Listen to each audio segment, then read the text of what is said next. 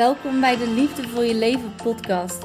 Mijn naam is Demi Opay, ik ben gedragscoach en ik ga jou helpen om onder andere een gezonde relatie met voeding te creëren. Daarnaast neem ik je mee in mijn reis naar een fijne relatie met voeding en een gelukkig leven. Ja. Nou, hey allemaal, leuk dat jullie luisteren weer naar deze podcast. Ik heb vandaag een gast. Uh, zou jij je eventjes kort willen voorstellen? Ja, tuurlijk. Ik uh, ben Marleen, ik ben 32 jaar woon in Montfort en uh, ja, ben een uh, fanatieke sporter. Uh, veel met mijn voeding en mentale ja, dingetjes bezig. En het sporten natuurlijk. Ja, we gaan deze podcast, vandaag gaan we natuurlijk een speciaal onderwerp gaan we het over hebben. En dat is natuurlijk ehm, een heel verhaal voor jou geweest. Een best wel belangrijke periode, denk ik, geweest voor jou. Kun je daar iets meer over vertellen? Ja, zeker. Um, die periode is voor mij sowieso heel belangrijk, omdat het wel heeft gemaakt wie ik nu ben. Um, ik heb uh, borstimplantaten gehad en daar ben ik heel erg ziek van geworden. En um, ja, dat heeft toch wel een bepaald deel van mijn leven toen in beslag genomen. En ik vond dat ik daar na de hand iets mee moest doen om ook een boodschap eigenlijk de wereld in te brengen. Dus uh, ja. Mooi verhaal. En uh, wanneer heb jij toen besloten en hoe heb jij besloten dat jij ooit borstimplantaten ging nemen? Uh, ik denk dat dat al van heel jongs af aan was. Um, ik heb ze op mijn uh, 26e laten plaatsen. En ik denk dat dat, ja, eigenlijk vanaf mijn zestiende, vanaf de tienertijd al gewoon heel erg in mijn hoofd zat. Um, vooral als je andere meiden van jouzelf zag, hè, met grotere borsten, was dat natuurlijk een dingetje. Want je zat ook in de puberteit. Hè, jongens werden heel belangrijk, vonden dat natuurlijk ook mega interessant. Ja. ja als je het zelf niet hebt, dan wil je dat ook. En um, ja, dat kan niet zomaar, kost heel veel geld. Uh, je bent niet op een leeftijd dat dat mag. Um, dan moet je toestemming hebben van je ouders. Dus maar het zit wel heel erg in je hoofd. En ja. dat is bij mij altijd gebleven. En ja, ik heb op een gegeven moment besloten om het te doen. Eh, omdat ik toen eigenlijk uit een relatie kwam waar het niet kon. En dat was eigenlijk het eerste waarvan ik dacht, dit ga ik doen, want dit is echt voor mezelf. En nu ga ik die stap zetten. En dat was ook eigenlijk het eerste wat ik daarna heb gedaan. Die afspraak gemaakt om me eindelijk die borstimplantaten te gunnen. En ja, toen ben ik ze gaan doen. En je zegt net in een relatie waar het niet kon. Kun je dat uitleggen? Ja, ik had een, een relatie waarin ik. Um, het was niet echt een hele um, gezonde relatie. Uh, ik heb daar ook, denk ik, ook heel veel van geleerd dat ik niet bepaalde beslissingen kon maken of heb gemaakt. Dus ik heb mezelf best wel opzij gezet.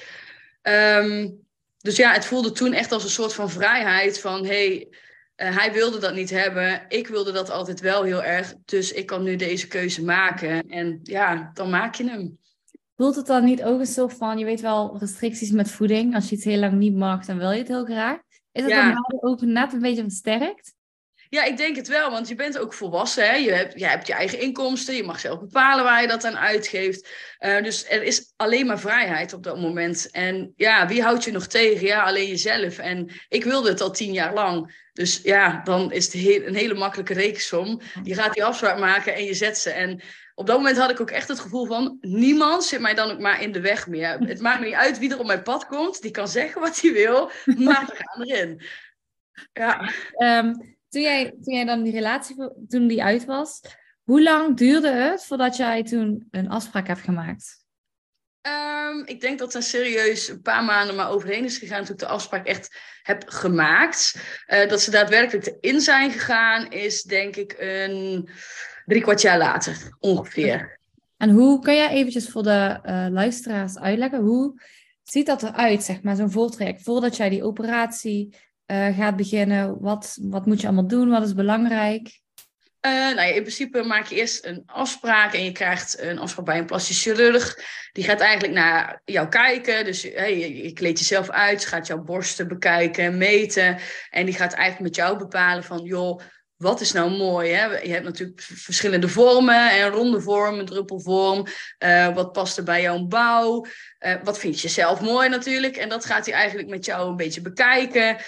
Um, maar in het gesprek merk je, als ik er in ieder geval op terugkijk, dat ze heel erg lovend zijn over.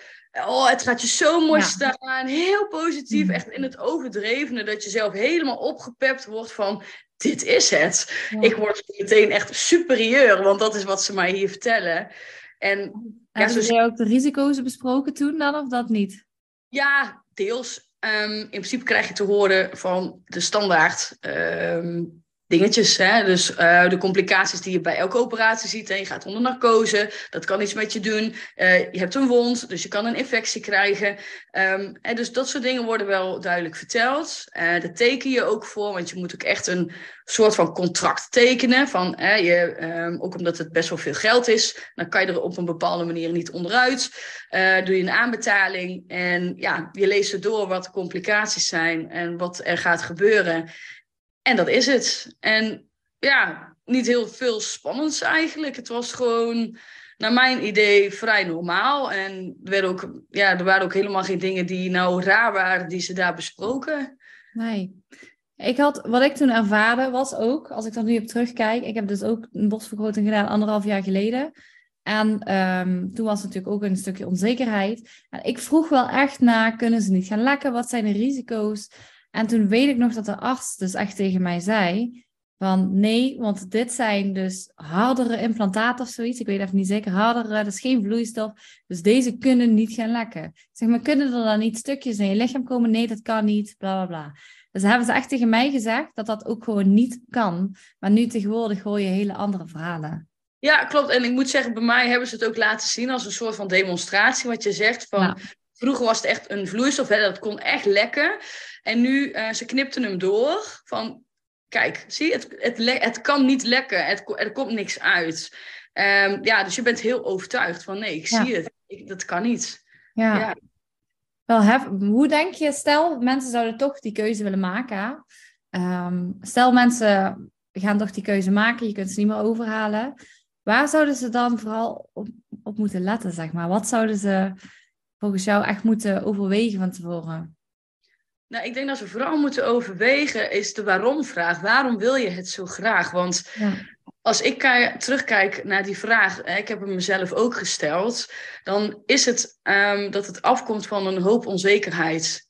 En ik ben een heel onzeker meisje geweest en ik heb mezelf uh, daar heel erg in weggecijferd.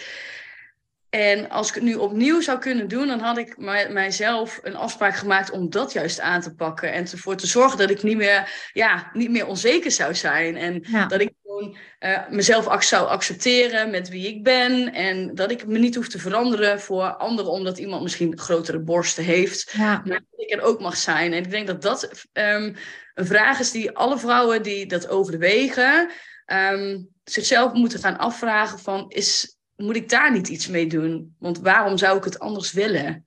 Ja, precies. En um, als jij, maar denk jij als jij het bijvoorbeeld niet had gedaan, dit hele, hele gebeuren was nooit geweest, hoe denk je dat die onzekerheid, hoe denk je dat het nu was? Denk je dat dat dan al was veranderd?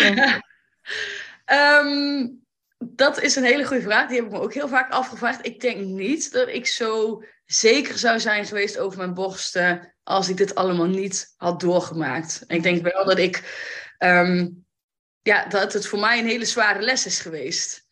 Um, een les die ik wel misschien dan achteraf gezien had moeten hebben.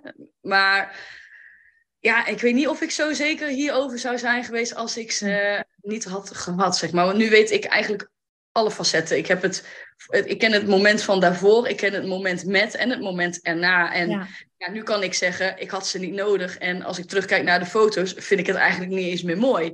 En, ja, dat had ik anders denk ik niet geweten. En als je het even heel eerlijk kijkt, als je het nu terug kan draaien, zou je het dan nog steeds terugdraaien? Of ben je toch ook ergens het verhaal wel dankbaar?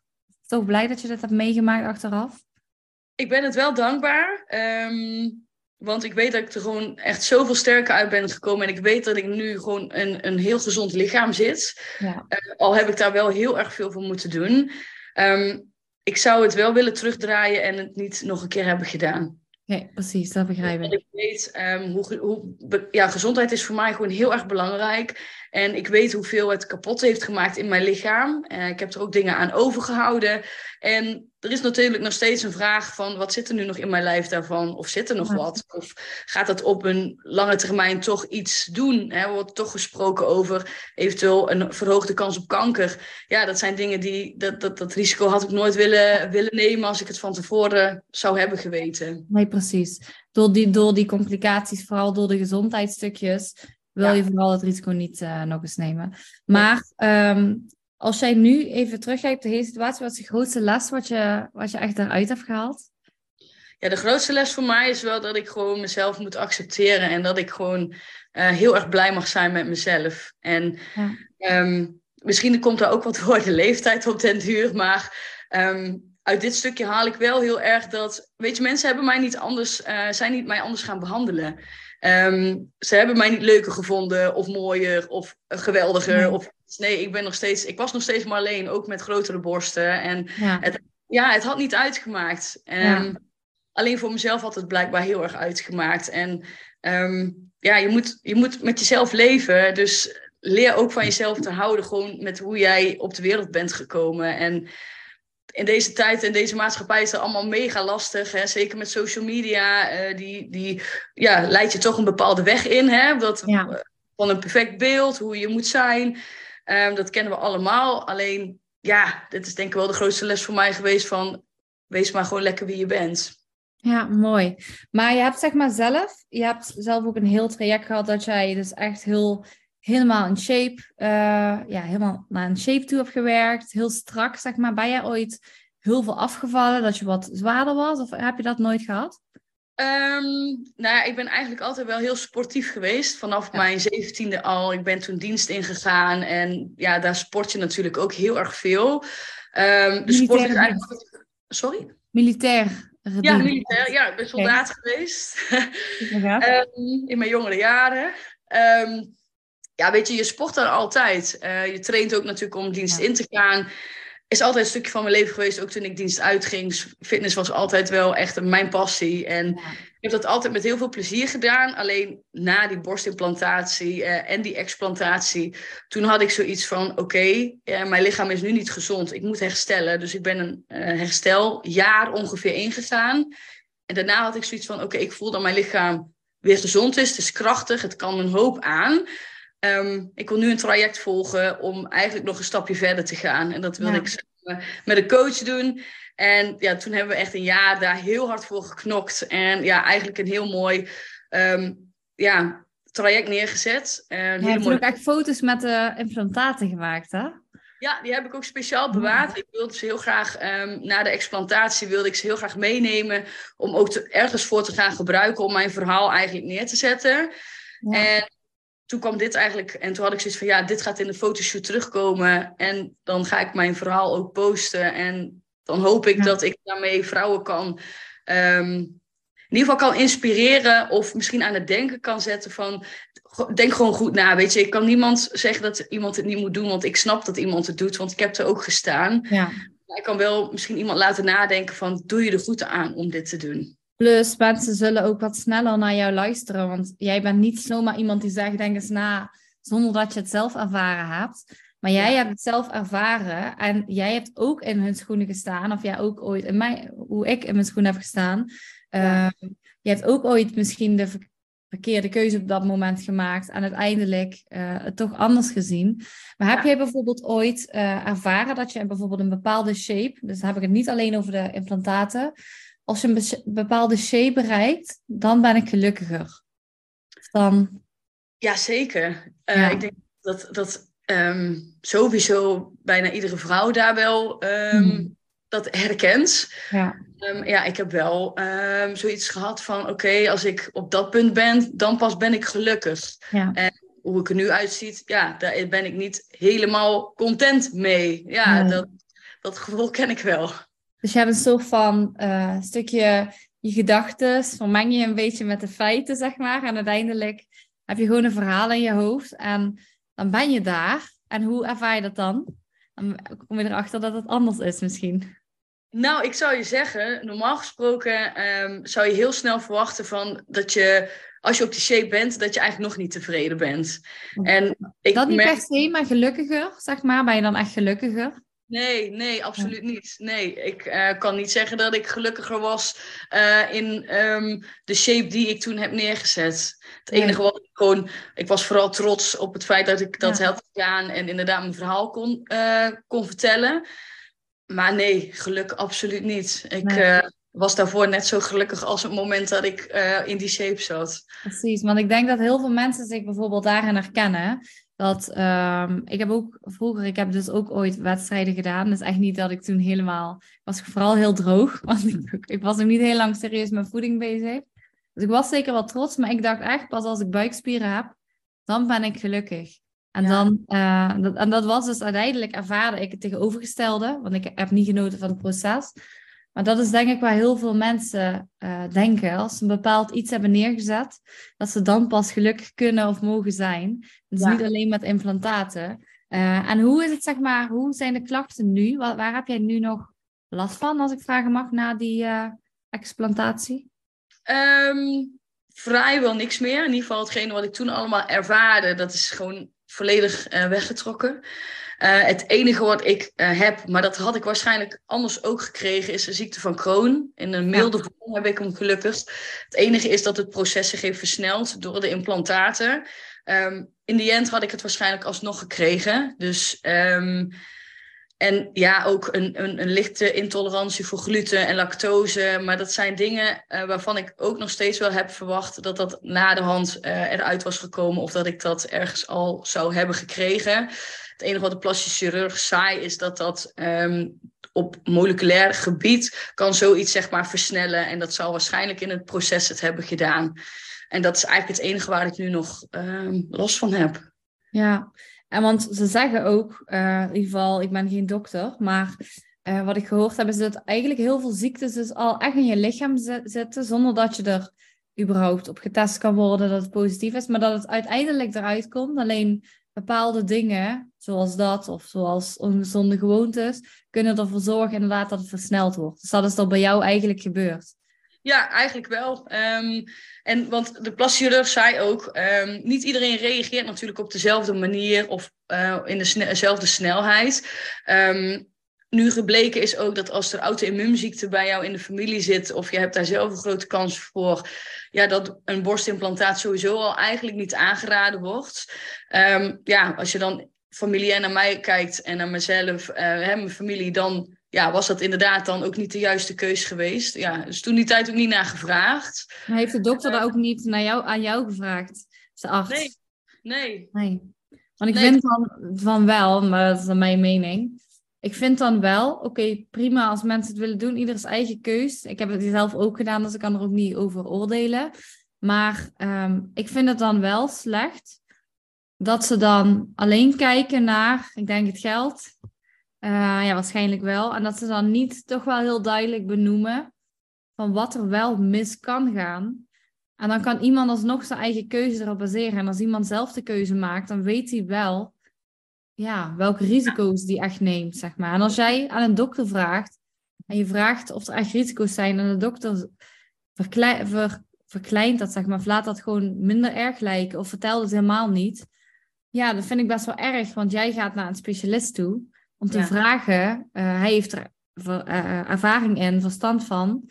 Uh, Google weet je al niet wat je moet zoeken, want dan zie je altijd ergere dingen. Ik vind het dan best wel erg dat dat gewoon niet benoemd wordt. Ja, mee eens. Ja. Dat vind ik ook. Het is um, juist aan die persoon de, um, de verantwoording ook om aan te geven wat er in ieder geval mis kan gaan of wat de risico's zijn. En als je het dan alsnog wilt, dan is het een eigen keus. Ja. Maar geef je het niet aan, ja, dan laat je mensen toch een beetje in het um, ongewis. En dan maken mensen beslissingen die ze misschien niet willen nemen. Ja, en dan krijg je dit, eigenlijk dit soort dingen. En dat is denk ik bij heel erg veel vrouwen gebeurd. Ik heb veel vrouwen gesproken uh, op forums uh, en uh, op pagina's die gewoon hier heel erg mee kampen. Ja. En ook gewoon zitten met een financieel stukje dat ze het er eigenlijk uit willen laten halen, maar het wordt niet vergoed. Um, of het grootste deel wordt niet vergoed. Um, dus ze kunnen het er ook niet uit laten halen. Hè? Hoe graag ze ook willen, hoe ziek ze dus ook zijn. Wat vind je daarvan? Dat da ja. daarmee moet gebeuren? Ik vind dat vrij heftig. Ik vind dat um, um, dat er sowieso meer onderzoek naar gedaan moet worden om te kijken van oké, wat zijn nu daadwerkelijk de problemen rondom borstimplantaten en wat uh, moet daaraan veranderen. Uh, maar de vrouwen die het al hebben en die willen ervan af omdat ze ziek zijn, die moet uh, naar mijn idee of de zorgverzekering of de overheid de kans bieden om ze er ook uit te laten halen. Want ja. Alles gaat dan gezondheid voor. En er zijn heel veel dingen die wel vergoed worden vanuit de basis, um, waarvan uh, mensen ook uh, bijvoorbeeld zelf misschien daar een aandeel in hebben of een keuze hebben gemaakt. Dat is met een borstimplantaat ook. Hè. Daar heb je ook een eigen keuze in gemaakt om ze in te plaatsen. Maar uh, als jij niet weet wat de risico's zijn of je wordt daar zo ziek van, moet daar wel iets van een potje voor zijn om ze te kunnen helpen. En dat mis ik wel. Waarom denk je dat dat er niet is? Dat ze dat niet doen? Uh, omdat er op dit moment nog heel veel um, gezegd wordt dat het niet van borstimplantaten afkomt. Uh, er is nog steeds heel erg veel commotie over, zeker vanuit de, uh, de plastische chirurgen zelf, dat het daar niet van afkomt of dat het een bepaalde reden heeft waarom sommigen wel ziek worden en waarom sommigen niet. Oftewel, het wordt eigenlijk nog steeds niet erkend. En dat is eigenlijk het grootste probleem. En dan ook als je ziek wordt, vind ik toch, dat, is toch, dat zit ook gewoon in je zorg. Dus een operatie, als jij ziek wordt, zit toch ook in je zorg. Dus waarom niet zoiets, zeg maar. Dat is... Ja, is raar. Het, en, en er zullen ook wel zorgverzekeraars zijn die het hè, wel vergoeden of een deel. Maar als ik de meeste vrouwen in ieder geval hoor, uh, hoor ik hele andere verhalen. En zegt men juist van, ik krijg het niet vergoed en ik moet het allemaal zelf betalen. En dan praat je toch wel over duizenden euro's. Um, ja. Dat heeft niet iedereen zomaar liggen. En zeker niet in deze tijd. Um, ja, en dan is het best wel een eng gevoel als je met ja, zoals ik ze noem, gifbommen in je lijf loopt. Wat, waarvan je denkt van ja, Eddie, uh, dat, het blijft maar lekker, het blijft maar mij ziek maken. En ik kan het er niet uithalen, want ik heb de financiële middelen er niet voor. Nee. En wat heb jij, ik heb laatst gehoord van iemand, ze had dus uh, ook ooit dat, ze, uh, dat de implantaten gingen lekken. Toen heeft ze ze dus vervangen met implantaten met zoutoplossing. Wat weet jij daarover toevallig? Uh, niet heel veel. Het enige wat mij is verteld, dat um, het maakt niet uit welke implantaat je hebt. Het zit natuurlijk in een, um, in een omhulsel, wat gemaakt is van chemische stoffen. Uh, en ja, alles wat je in het lichaam uh, stopt, wat niet van jezelf is, wil het lichaam er natuurlijk uit hebben. dus hoe dan ook, het lichaam reageert op elk voorwerp, hoe dan ook. Want het is niet van zichzelf, dus het moet eruit. En ja. een implantaat is te groot om eruit te werken. Een splinter kan een lichaam eruit zweren. Maar dat gaat niet met een implantaat, dat is te groot. Uh, ja. Dat is dichtgemaakt, dus het zit er. Dus dat gaat zich inkapselen hè, ter bescherming. Alleen, ja, hoe dan ook, uh, je hebt de lichaamswarmte, uh, het kan gaan zweten. Dus er zijn zoveel processen die in het lichaam toch reageren op hetgeen wat daar zit. Ondanks dat het misschien zoutoplossing is. Um, het zit wel ergens in. Het, hoort, het zit in een zakje of in een omhulsel. Dat is ook ergens van gemaakt.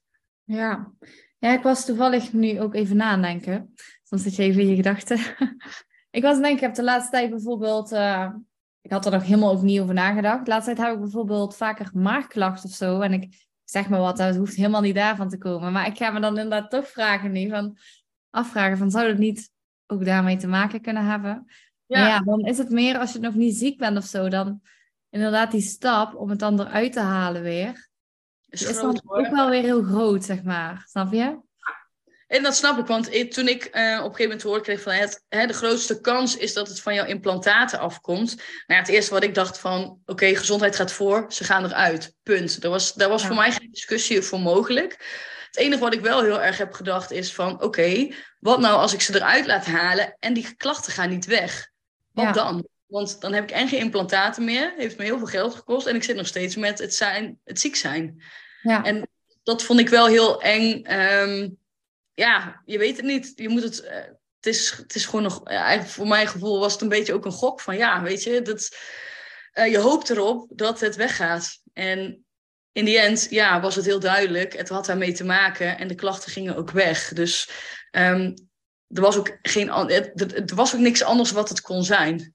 Nee. We hadden natuurlijk alles al uitgesloten, maar toch vind je, dat zit natuurlijk in jezelf, die angst van, hey, uh, heeft dat er dan wel mee te maken? Want ik hoop niet ja. dat ik daar blijf zitten. En nou ja, ja goed, dat is gelukkig bij mij niet uh, gebeurd, dus daar ben ik wel heel blij mee. En weet jij, want dus ik denk dat heel veel klachten soms uh, heel onschuldig lijken op het begin, na, dat het steeds meer wordt. Maar sinds na wanneer merkte je echt klachten op, zeg maar, dat het echt op begon te vallen? Hoe lang na de operatie? Um, ik denk best wel lang. Uh, ik denk, nou, als ik terugkijk naar een halfjaartje, ben ik klachten gaan krijgen. Uh, schuif je natuurlijk overal hè, onder. Uh, Wat voor klachten bijvoorbeeld? Um, ja, het waren een beetje de. Gewoon een hele simpele klacht hoor. Gewoon wat, wat down gevoel. Ik, ik ben van mezelf juist heel optimistisch, een heel vrolijk persoon. Maar ik merkte dat dat steeds minder en minder en minder werd. concentratie was eigenlijk met de tijd werd dat steeds minder. Um, en daarin kreeg ik op een gegeven moment uh, gewoon algehele klachten, buikpijnklachten, veel. Um, en ja, dat werd eigenlijk alsmaar groter. Dat ging op een gegeven moment groeien, totdat ik op een gegeven moment alleen maar nachtmerries had. Ik had alleen maar nachtzweten. Ik had elke week koorts. Uh, ik begon op een gegeven moment allergieën te krijgen, waaronder dat ik eigenlijk niet eens meer tampons kon dragen, geen pleisters meer kon. Uh, ja, ik, daar reageerde ik heel heftig op. Um, mijn buikpijn werd alleen maar meer, um, waardoor mijn ziekte van Crohn op een gegeven moment ook ontdekt werd in die tijd. En um, op een gegeven moment zag ik ook gewoon veel minder goed. Mijn ogen die reageerden heel slecht. Tot die tijd wist je nog niet dat het van de implantaten zou kunnen komen? Nee, op een gegeven moment, het viel mij op toen op een gegeven moment vooral mijn uh, toen de tijd vriend, die zei tegen mij, je bent wel heel erg vaak ziek. En het zijn, je hebt heel vaak van die vage klachten. En hoe kan dat? Dat had je eerst niet. Ja, geen idee. Uh, in het begin denk je van ja, heel vaag. ja. het zal wel. Maar op een gegeven moment als dat heel vaak wordt gezegd, dan ga je op een gegeven moment nadenken van ja, maar waar komt dat dan vandaan? En als op een gegeven moment meerdere mensen gaat opvallen, ja, dan ga je wel afvragen van hé, hey, wat is er aan de hand? Is er iets misschien in mijn lichaam waardoor ik zo reageer? En ja, dan ga je vragen stellen.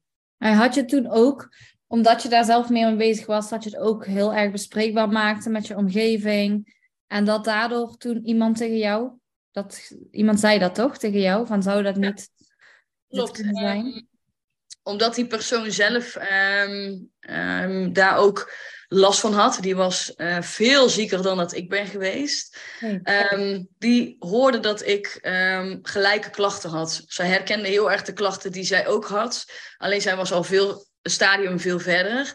En ja, zij wilde mij waarschuwen voor, joh, um, is het niet jouw, zijn het niet jouw implantaten? Nou, dat was de eerste keer dat ik überhaupt aan mijn implantaten had gedacht. Want daar, het, ik stond er niet eens bij stil dat dat überhaupt maar een, een optie zou kunnen zijn.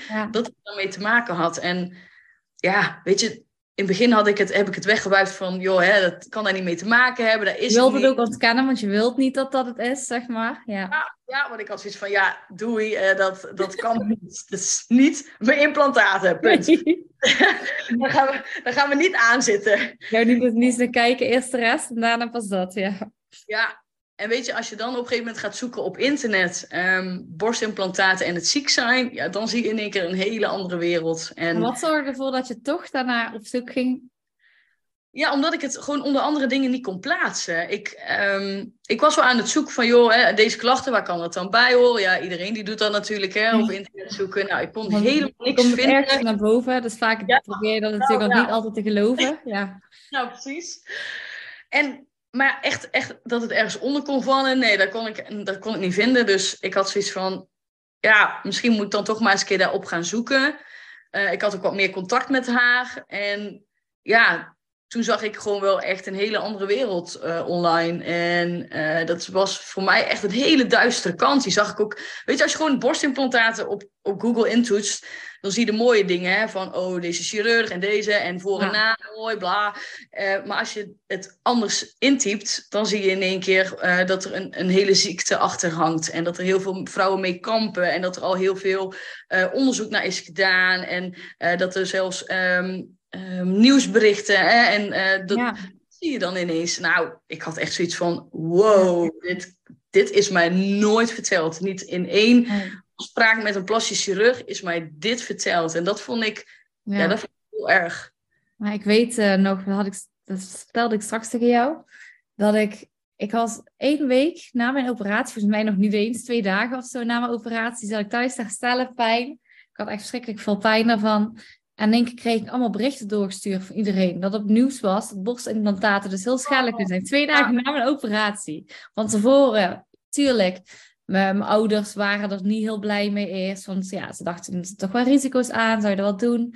Uh, er waren andere mensen die zeiden wel risico's. Maar ik wist niet dat het zo erg was. Daarna kwam het op het nieuws. En dan neem je het wel iets serieuzer, zeg maar. Maar ja, dan zitten ze er al in.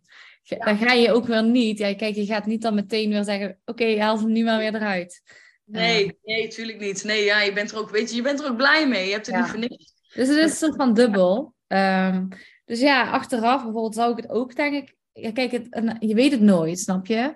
Ik heb niet dat hele meegemaakt, dus ik, ik weet niet of ik het achteraf zou doen. Maar ik denk bijvoorbeeld nu ik jou gehoord heb, ik andere verhalen gehoord heb en nu ik ook zelf meer ervaring heb, meer persoonlijk ontwikkeld ben, dat ik ook wel eerder zou werken aan dat stukje onzekerheid. Want dat is gewoon onzekerheid. Vroeger een opmerking ooit gemaakt, die weet ik nog heel goed.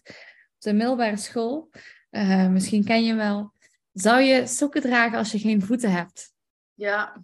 Waarom draag je dan wel een BH als je geen tieten hebt? Dat zei een jongen in mijn klas. En ik, ik, oh, ik voelde me echt zo verdrietig. Ik zat in de brugklas, dus logisch dat je met elf jaar nog geen borst ja. hebt. Maar oh. die opmerking, die weet ik nog steeds, zeg maar. Moet je eigenlijk nagaan hoe uh, traumatiserend het is hè, als iemand zoiets tegen je zegt. Ja. En weet je dat, dat tieners dat allemaal niet helemaal bewust misschien uh, uh, ja, erbij zijn of ontwikkeld zijn om dat te zeggen. Maar het heeft zo'n impact gewoon op jou als persoon.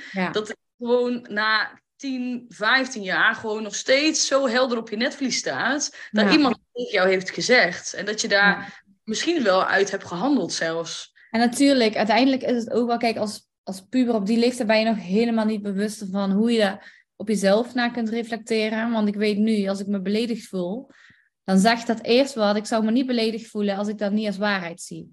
Dus vroeger als iemand me te dik noemde of wat dan ook, of zei dat ik geen borst had, dat was mijn onzekerheid. Dus dan, uh, dan zag ik dat als belediging. Als ik dat zelf niet zo zag, was dat niet. Maar toen dacht je er niet over na. Uh, Maar één opmerking. Ik denk dat pesters of mensen die zo'n opmerking maken, denken: één opmerking maakt niet zoveel uit. Maar als twintig mensen één opmerking maken naar dezelfde persoon, dan zijn het wel twintig opmerkingen. Maar daar denkt niemand op die leeftijd over na. Klopt. Dat is wel echt, uh, middelbare school is echt ja, dat... heel veel zo heftig. Ja, ik denk dat, dat ja, daar, um, daar zit gewoon een deel van je opvoeding. Ja. En daarin word je natuurlijk ook gekneed naar een bepaald persoon. En als je gepest wordt of mensen zeggen dit soort dingen tegen jou, dat, um, ja, dat, dat doet jou ook, denk ik, ergens naartoe brengen. Weet je, dat, dat, maakt je of onzeker of het maakt uh, je verdrietig of boos. Um, en daar ga je naar handelen. Ja. En dat neem je mee in je, dat neem je gewoon mee. Ik heb dat ook gehad. Ik bedoel, maar tegen mij hebben ze ook dingen gezegd. En ik weet zeker dat daarin een deel van mij uh, nog onzekerder is geworden dan dat het al was daarover. Ja. En daaruit een beslissing heeft gemaakt. Dat weet ik zeker. Weet je, nog, weet je nog wat ze bijvoorbeeld, wat voor opmerking dat er wel eens ooit is gezegd? Ja, ik werd vaak werd gezegd uh, tegen mij of ik had een kinderlichaampje, dat werd oh. gezegd.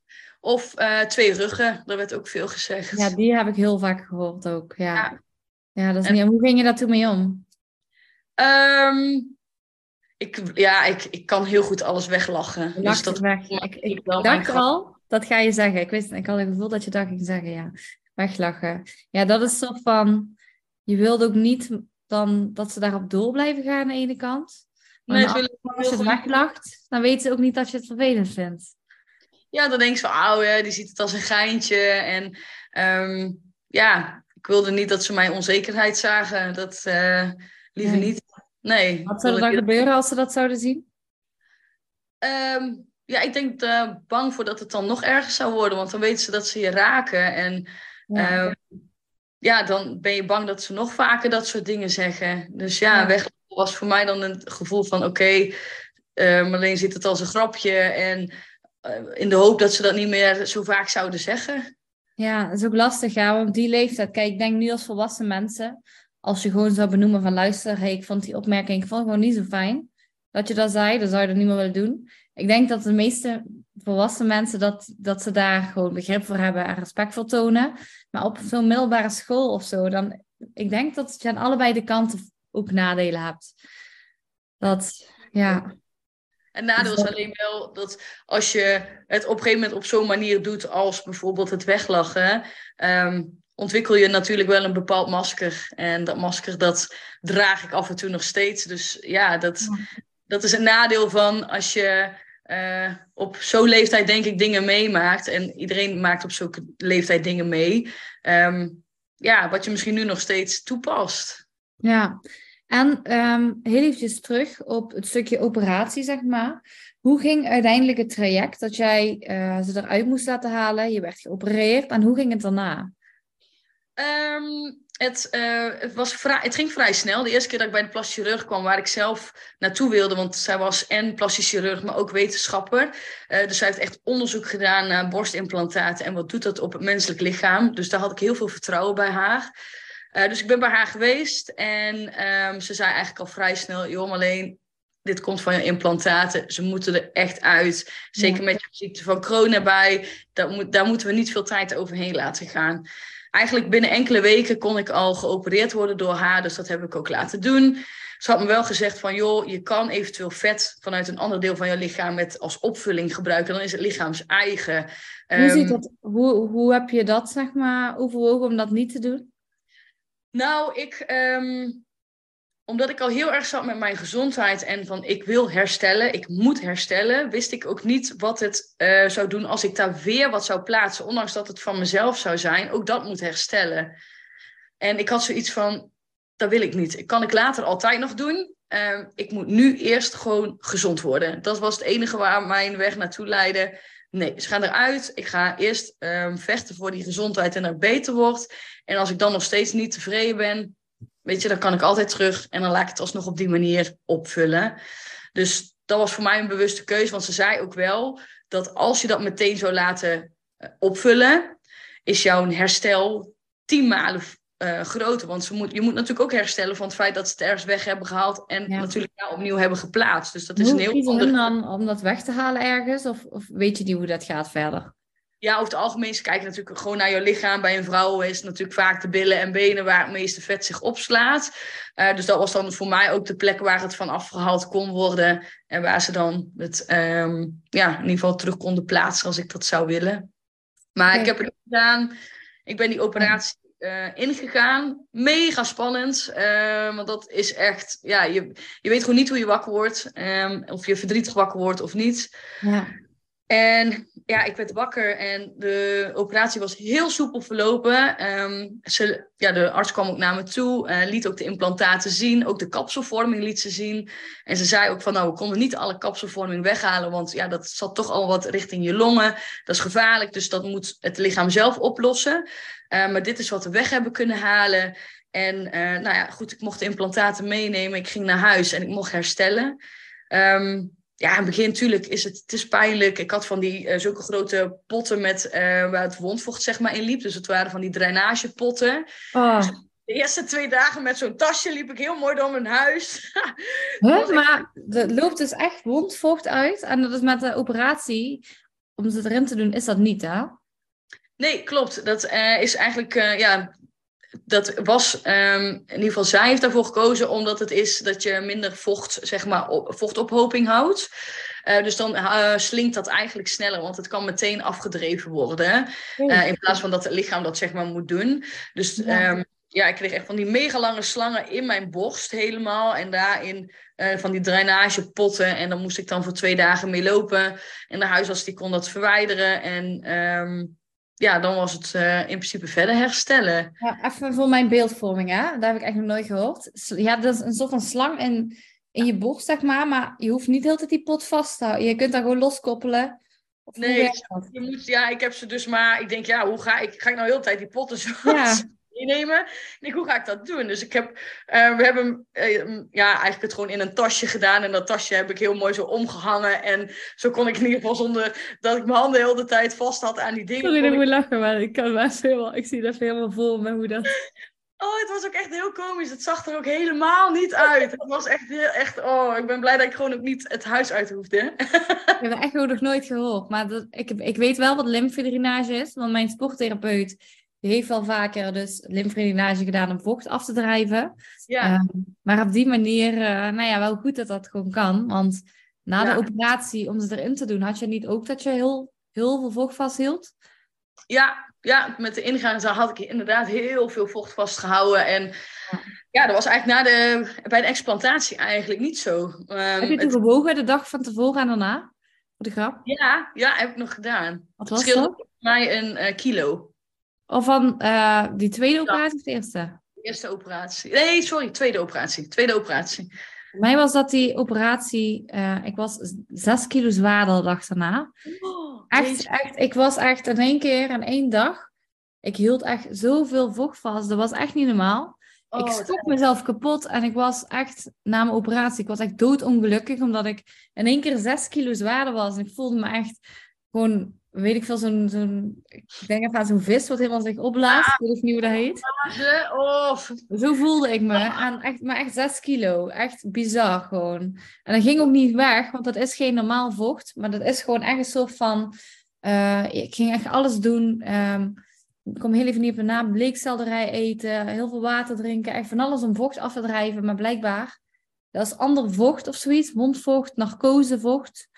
Ehm, en dat, dat kun je niet zomaar afdrijven. Dat moet je lichaam echt zelf doen, inderdaad. ja. Dus het heeft echt zeker twee maanden heeft dat vocht echt erin gezeten. Oh, verschrikkelijk. Echt verschrikkelijk, ja. Ja. En toen las ik het ook, omdat je, je dan ga je daar naar op zoek.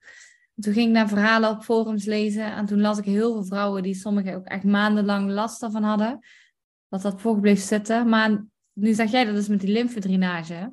Ehm, maar dat kan niet met een operatie, zeg maar, als je het erin zet, toch? Nee, ja, als ik kijk naar ehm, toen ik ze erin had laten plaatsen en ik kijk gewoon naar de jaren dat ik ze had, dan zie ik gewoon dat ik echt een hele dikke kop had gekregen. Gewoon Ja. echt gewoon. Ja, ik noem dat altijd een beetje zo'n prednisonhoofd. eh alsof ik aan de prednison zat. Hè. Dat houdt heel veel vocht vast. Hmm. Maar ik, eh, ik, ik zag er echt uit als dat ik heel veel vocht vasthield. Continu. En toen ze eruit gingen, nou, toen raakte ik natuurlijk eh, het gewicht kwijt van de implantaten zelf. Want ik had echt vrij grote. Ehm, en daarna voerde de rest af. Je zag steeds meer dat mijn gezicht slanker werd. ehm, Ja. en, en dat ik af aan het vallen was, want dat lukte allemaal ook met de implantaten allemaal niet. En je dit het- zegt, ik herken wel een aantal dingetjes, hoor. ja, Ja, ik herken wel echt. Ik heb het idee ook. eh, eh, Het afvallen gaat nu ook weer. Maar ik heb echt een hele. Maar wel moeizamer dan voorheen. Voorheen vond ik het echt minder moeilijk. En ehm, ik heb ook wel het idee dat ik heel snel vocht vasthoud. Mijn kop is echt dikker sinds. Ik heb sinds die operatie. Is het ook toen. Ben ik even aangekomen daarna. ehm, mijn kop ook echt dikker, zeg maar. En ik heb het gevoel dat dat ook gewoon sinds die operatie echt vooral is. Dus heb ik ook. nu je dat zegt, dat is wel echt. eh, Mijn schildklier werkte heel slecht en daardoor eh, lukte het gewoon niet om af te... Ik kon, ik kon heel weinig eten, bewijs van, maar het, het hielp niks. Ik, niks werkte. Ik was in die tijd best echt ook, eh, zeg, ehm, nou, echt wel enkele kilo's aangekomen, sinds dat ik die implantaten had. Ja. Dus ehm, ja, dat heeft denk ik wel invloed gehad. Ik, Want ik ik merkte ook daarna dat het minder werd toen ze eruit gingen. En dat ging allemaal vanzelf. Ik deed er niks voor en het voerde af. En het ging eigenlijk gewoon natuurlijk zoals het hoorde. Ja, het is wel heftig eigenlijk wat dat allemaal kan doen. Bizar, hè? En ehm, wat wil ik nog vragen? Oh ja, heb jij, heb jij kinderen toevallig? Of heb je geen kinderen? Geen kinderen. Welke kinderwens, als ik mag vragen? Ehm, nou ja, eh, dat is een hele goede vraag. Sorry.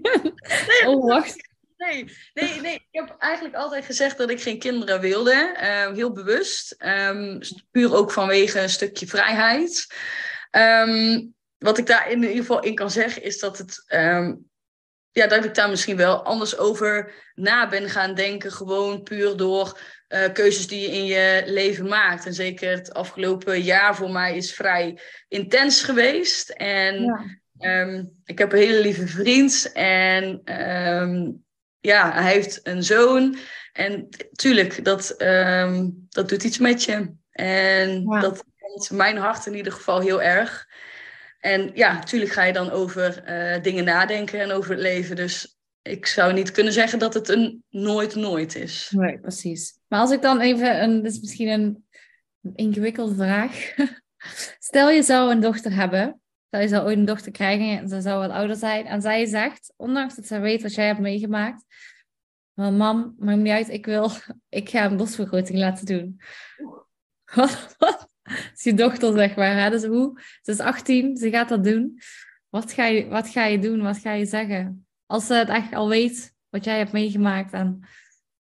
Ehm, ik denk dat ik vooral tegen haar zou zeggen dat ik haar nooit ehm, iets... Ja, ik zou haar er niet op die manier van af willen praten. Dat niet. Nee. Het is haar keus.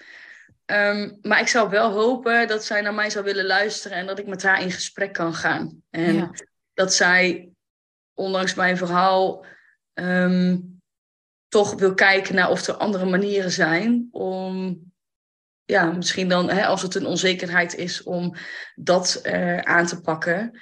Ja. Um, ik zou haar nooit ik zal haar niet pushen om het niet te doen, want ik, ik wil niet zo'n moeder, ik zou niet zo'n moeder willen zijn. Nee, precies. Het is een, het is Misschien tot, tot de 18 of zo, want dan, ik weet ook niet of dat mag van tevoren. Mag dat eigenlijk onder 18? Uh, eh, ja, volgens mij mag het wel onder de 18 met toestemming van je ouders. Volgens mij, ja. denk vanaf 16, denk ik. ik. eigenlijk vanaf 16. Ja, eigenlijk wel, hè? Als ik er nu over nadenk, toen had ik dat ook wel gewild, denk ik, met 16. Maar als ik nu ja, denk, 16. Als mijn moeder had gezegd, Marleen, je krijgt eh, van ons eh, voor jouw verjaardag borstimplantaten. nou ja, dan zaten ze er de week erna in. nee, maar nu denk ik echt, ja, kijk, als jij 16 bent, dan voel je je niet zo jong, zeg maar. Dan denk je, ik ben al 16. En nu, als ik nu kijk naar 16-jarigen, dan denk ik, oh, zo jong. Ze hebben eigenlijk echt nog gewoon geen besef als ze dat doen. Dus uh, misschien had ik de anderhalf jaar nog niet zo erg zelfs. Dus dat staat met 16. Maar ja, uh, ja, dat is wel. Uh... Dat denk ik wel tot, met, tot, tot de 18e wel zeg van luister. Um, ik, ja, ik kan die toestemming niet geven. Dat zou ik inderdaad dan denk ik niet doen. Nee. Ja, als, als, weet je wat het is? Uh, ik denk dat als je kinderen krijgt en ze worden ouder, gaan ze ook beslissingen maken waar je toch niet altijd achter staat. Nee. En um, ja, weet je, je wilde ook altijd toch voor je kinderen zijn. En als je ze er echt niet van af kan praten, dan zou ik er wel als moeder voor haar willen zijn. En ja. haar in ieder geval steunen met waar ik dan kan. Um, en misschien extra erop letten met hoe zij zich voelt en uh, of zij klachten zou gaan krijgen. Ik denk dat ik daar dan wel wat extra oplettend in zou zijn. Maar ja, ik kan, ik kan haar leven niet bepalen. Dus dat, dat wil ik dan ook denk ik niet. Hoe was jouw omgeving? Hoe reageerde die toen jij dat, wou doen, toen jij dat ging doen? Um, ik zou je zeggen dat ik het zelf um, zelfs stil heb gehouden voor mijn ouders. Um, zij wisten het niet. Um, enkele om me heen wisten het wel. Wat is de reden daarvan? Nou, het was voor mij dat ik het heel erg bij mezelf wilde houden. Het was voor mijn gevoel heel erg voor mezelf. En ja, ik wilde er eigenlijk niet mee te koop lopen. Nee. Iedereen wist, oh, Marleen heeft borstimplantaten achteraf gezien denk ik dat kon heel de wereld zien dat ik borstimplantaten kreeg, want die waren in één keer immens groot. Dus dat denk ik, wat bezielde mij. Maar dat was wel mijn gevoel van, ik wil niet dat iedereen dat weet. En ik ga niet aan de grootste klok hangen dat ik ze heb. Um, dat was een beetje mijn achterliggende gedachte. Ja, precies. En wat vonden je ouders ervan toen ze wisten als je dat gedaan had? Um, nou, wat ze vooral eigenlijk tegen mij zeiden is waarom hè, waarom heb je het niet verteld? We hadden er voor je kunnen zijn en um, we hadden er bij, hè, na je operatie kunnen helpen en ondersteunen. En ja, daar heb ik helemaal niet over nagedacht toen de was tijd. Was je alleen toen thuis dan? Nee, ik had toen, toen de tijd mijn vriend, die was heel lief voor mij. En die heeft me ook echt heel erg geholpen met alles. Dus, um, en ook de vrienden die het wel wisten, die waren er ook voor mij. Dus ik heb gewoon echt wel goede steun gehad. Um, mijn schoonfamilie toen ook. Alleen, ja, ik, ik heb er gewoon niet over nagedacht dat um, het is denk ik ook een stukje schaamte geweest. Ja, precies. Omdat ze misschien altijd, misschien wist je dat ze er eigenlijk niet helemaal volledig achter zouden staan. Of zo. En dat je dan dacht van ik durf het soort van niet aan te gaan misschien. Ik heb het soort van moeten vertellen, want ik woonde nog thuis. Maar ik heb oh. eigenlijk toen verteld. Ik wist dat mijn ouders er eigenlijk niet achter stonden. Echt totaal niet. Uh, ik vertelde, ik heb volgende week een operatie. Ik heb over twee weken, wat ik had dus dat gesprek pas tegen. Ik heb over twee weken heb ik een operatie. En ik ga dat doen. Ik heb niet gevraagd, want ik wist toch, dat krijg ik toch nee. En uh, toen waren ze eerst eigenlijk helemaal niet blij mee. Maar toen ik het inderdaad, wat jij zegt, toch steunen. Toen ik het ook gedaan had, hebben ze me echt super goed geholpen. Echt me verzorgd zelfs. Dus uiteindelijk uh, kun je ook niet meer doen, denk ik. En als jij heel erg inderdaad iets gaat verbieden of zo, dan gaat iemand toch uiteindelijk doen als hij dat echt wilt.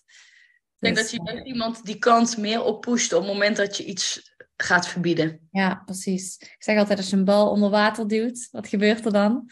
Ja. Ik wil heel graag naar boven. ja. En uh, wat is jouw, uh, heb jij een grote missie of visie hierin op dit moment? Um, ik vind het vooral heel mooi en daarom ben ik jou ook heel erg dankbaar voor het feit dat ik mijn verhaal hè, bij jou um, uh, kon vertellen dat ik gewoon um, vrouwen kan bereiken. Eh, al is het er maar weer eentje vanuit deze podcast, dan ben ik gewoon al heel erg blij dat iemand erover nadenkt uh, of het verstandig is om deze keuze te maken. Ja. En dat blijft denk ik altijd een beetje het, het doel hierachter. Um, ja. Mijn verhaal staat ook online. Uh, men kan die ook lezen met de fotoshoot erbij. En dat is denk ik vooral mijn kracht. En daar wil ik ook, uh, dat, zo wil ik het ook blijven zien. Ja, ja echt heel mooi. Want ik, ik heb je dus vorig jaar, heb ik jou dus ontmoet. En toen uh, vertelde jij dat verhaal. En toen, dat is natuurlijk is er wel blijven hangen. Maar ik moest wel op het begin even denken van, oh ja, dat verhaal. Ik ben even aan denken, oh ja, dat was jij. En toen ben ik jou dus en dat gaan opzoeken. Want ik wou sowieso een podcast gaan opnemen over dit onderwerp. Omdat ik dat natuurlijk zelf ook gedaan heb. En ja. ik ben er best open over, prima. Maar achteraf, kijk, ik, ik heb wel even goed mijn twijfels nu. En um, aan de ene kant, achteraf zou ik het ook wel willen terugdraaien om het niet gedaan te hebben. Aan de andere kant, ik weet ook niet of ik het nu zomaar uit durf te halen, inderdaad. Want ik heb nergens, denk ik, last van. Maar ja, dat weet je niet. Dat is ook het lastige. En dat is ook heel begrijpelijk. Weet je, dat je nu, als je goed voelt, ja, dan wil je ook niet zomaar de keuze maken om ze eruit te halen. En dat is nee. meer dan begrijpelijk. Ja, precies. Dus dat, wat heb je daar nog een tip voor? Hoe je daar misschien nog makkelijk achter zou kunnen komen, waar je dat kunt vinden, waar je misschien een forum waar je aan moet melden? Nou, er zijn zeker, ja, ik gebruik zelf persoonlijk Facebook niet zoveel meer, maar ik weet dat daar wel een hoop forums zijn die over dit uh, onderwerp praten met elkaar. Um, Henry Dijkman is sowieso uh, iemand die uh, in het laboratorium heel veel onderzoek ook doet naar, naar borstimplantaten en de werking op het lichaam. En er zijn tegenwoordig ook testen voor jouw haar. Dus dan kan je jouw haar opsturen. Daar, is, ja, daar, komen, daar kunnen de chemicaliën zeg maar, in getest worden. Heb je dat ook gedaan toen of niet? Nee, ja, ik, um, ik vond hem zelf persoonlijk vrij prijzig. Want daar betaal je een paar honderd euro voor, voor die test. Nou, ik weet het. Um, Hè? Nee, ik, sorry, ik onderbrak je. Ik had dus um, een klant toevallig vorige week gesproken. En zij heeft dus een operatie laten doen om ze te vervangen. En dan iets groter. Maar zij vertelde dus dat zij dus eerst een test had gedaan een tijdje terug. Met die haren dus. En dat er niks uit is gekomen. En dat zij met de operatie toen ze ging vervangen. Want zij had gevraagd. Uh, kunnen jullie mijn implantaten bewaren? Want ik wil ze gewoon, ik wil ze gewoon zien en bewaren. En uiteindelijk hadden ze ze weggegooid. Vroeg ze waarom. Ja, ze waren helemaal gelekt. Zonder dat ze dat hadden gezien in, in zo'n haartest of wat dan ook. Dus ik vraag me nu af. Kijk, ik denk, wat heeft voor zin om zo'n haartest te doen? Want stel dat heb ik iets en kom ik er toch niet achter. Klopt. Uh, ja, er zijn natuurlijk meerdere onderzoeken. Ik heb wel voor die tijd um, een, um, een echo laten maken. Om te kijken of ze inderdaad aan het lekken waren. Of dat ze echt bij mij in ieder geval nog intact zouden zijn. Um, dat heb ik wel laten doen, dus dat zou je ook kunnen doen. Daarin halen ze vaak er wel uit of ze zijn gaan lekken. Um, en uh, anders, ja, goed, de haartest. Ik ken hem persoonlijk niet, omdat ik hem ook niet zelf heb gedaan. Dus wat eruit zou zijn gekomen bij mij, dat weet ik niet. Nee. Um, maar als ik dit soort verhalen hoor, ja, dan is het de vraag of het heel erg waterdicht is. Of dat het um, goed gedaan is, dat weet ik ook niet natuurlijk.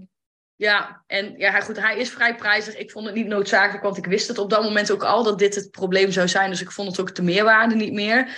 Uh, voor mij was de echo voor mij het belangrijkste en daar kon ik ook het meeste informatie uithalen. Ja, en toen zagen ze het wel meteen. Nee, want uh, ze, de, de, bij mij waren ze intact in de zin van dat de omhulsel eromheen was gewoon nog heel. Um, pas op het moment toen ze eruit waren gehaald, uh, toen zagen we eigenlijk dat de inhoud uh, eruit was. Dus hij was niet meer zo mooi um, gevuld als toen ze er zeg maar in gingen. Dus ja, dan verlies je iets wat in de um, implantaat zit. En ja, dat zit natuurlijk in jouw lichaam. Oh, wat heftig allemaal eigenlijk. Uh, ja. Nou, heb je nog iets wat jij heel graag wilt meegeven aan de luisteraars? Of gewoon algemeen een krachtige uitspraak of een tip die je nog hebt?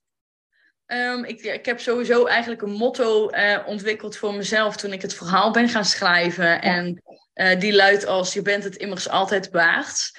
En dat is ook waar ik heel erg voor sta. Ehm, en zeker toesprekend naar de vrouwen. Ehm, weet je, we zijn, iedereen, is, iedereen is mooi, weet je. Op, iedereen heeft zo zijn, ehm, eh, zijn mooie kanten. En probeer vooral te kijken naar, naar wie je bent. En belicht uh, hetgene wat, uh, wat je hebt. En ga gewoon lekker van jezelf houden. En als dat niet zo is en je voelt dat er iets zit wat niet oké is of je bent onzeker, um, ga daarmee aan de slag. Ga met iemand praten of een coach of uh, iemand die daar verstand van heeft om ervoor te zorgen dat jij um, niet een keuze hoeft te maken om zoiets bij jezelf te veranderen. Want het is gewoon echt een mega impact op je lichaam. Ja. Uh, of je er nou klachten krijgt of niet je, gooit, ja, je, je, zet er iets in wat niet eigen is. En je moet echt je realiseren, is het jou dat waard of niet? Want ja, je bent eenmaal op de wereld gekomen zoals je bent. En je mag op die manier ook van jezelf houden. Ja, maar ook, ik denk ook wat je zegt, ook je doet iets in je lichaam wat niet lichaams eigen is. Maar ook bijvoorbeeld met andere dingen zoals, um, wat ik ook al vaker hoor, is liposuctie. Dus niet als iemand dat wil doen, helemaal prima. Ik kan best begrijpen misschien als, uh, ik heb ooit eens uh, met iemand daarover gehad. Zij is heel veel veranderd, alles aan gedaan. Maar ze had bijvoorbeeld echt heel een vetophoping bij haar knieën, wat maar niet wegging. Dat heeft ze laten doen en uiteindelijk was ze oprecht gelukkiger. Maar ik heb ook heel veel verhalen gehoord dat ze zich echt gewoon zelfverzekerd voelde. En ja. zichzelf weer mooi van. Nou, oké, kan ik begrijpen. Maar ik heb ook heel veel verhalen gehoord van mensen die bijvoorbeeld inderdaad uh, maagverkleining, liposuctie gaan doen. En uiteindelijk, het probleem is er nog steeds. Dus alleen, alleen even een pleister op de wond, maar uiteindelijk, die wond die is niet weg, zeg maar. En uh, dus inderdaad, mooi hoe je het zegt. Je bent het altijd waard. En uh, kijk gewoon naar jezelf en ga gewoon daaraan werken. Ja. Um, want je bent niet leuker met implantaten. Je bent niet leuker met een strakke buik. Um, dat zit hier. Ja. Het zit allemaal gewoon in je hart. En ja. Um, daar gaan mensen van houden. En um, dat is wat je ook um, achterlaat strakjes. Hè? Als je ooit de wereld verlaat, gaan mensen echt niet uh, over jou praten van... joh, ja, die had uh, hele grote borsten en uh, nee, ja... Weet je, iemand die zal tegen gaan zeggen van... oh, die, die, was, hè, die was zo lief of die, die deed zoveel voor een ander. Ja. Of die stond heel mooi in... in ja. Ik vind dat ook een veel groter compliment tegenwoordig. Als iemand uh, een compliment geeft over je innerlijk, over jouw persoonlijkheid, in plaats van over je uiterlijk. Ja, mee eens. Weet je, het is altijd leuk als iemand je mooi vindt. Iedereen wil mooi zijn, maar als iemand inderdaad een compliment geeft over hoe mooi je van binnen bent, ja, ja dat is goud. Ja. Ja. Is inderdaad misschien ook een tip voor mensen die nu luisteren. De volgende keer als je iemand een complimentje geeft, uh, geef eens een compliment over iemands acties of over iemands innerlijk en niet over, uh, alleen maar over het uiterlijk. Ja, dus uh, nou, heel erg bedankt voor het delen van je verhaal. En um, waar kunnen mensen jou vinden? Uh, ik denk vooral op uh, Instagram, daar ben ik eigenlijk het meest actief. Um, als je me wil vinden, dan uh, kan je me vinden onder mar.lean.fit. Ik heb er ook een link in zitten, daar zit ook eventueel de website in. En dus daar kan je hem eventueel ook teruglezen en ook de fotoshoot kan je daarin terugzien. Ja. Dus ga Marleen, daar moest even twijfelen, Marleen, Marlean, wat is de naam nu, zeg maar. Uh, maar ga Marleen op Instagram zeker eventjes volgen en uh, haar verhaal lezen als je dat interessant vindt. Waarschijnlijk wel, want als je deze podcast niet afgeluisterd. Ik zal er eventjes taggen in de beschrijving en dan uh, Bedankt voor het luisteren naar de doei. Liefde voor je oh, leven podcast. Doei, Volg mij op Instagram op @demiopai en stuur je vraag via DM of mail naar info@deemscoaching.nl. Wil je graag met mij in gesprek over jouw doelen of over een onderwerp in deze podcast? Laat het me weten. Support mij door te abonneren op deze podcast. Tot snel, doei doei!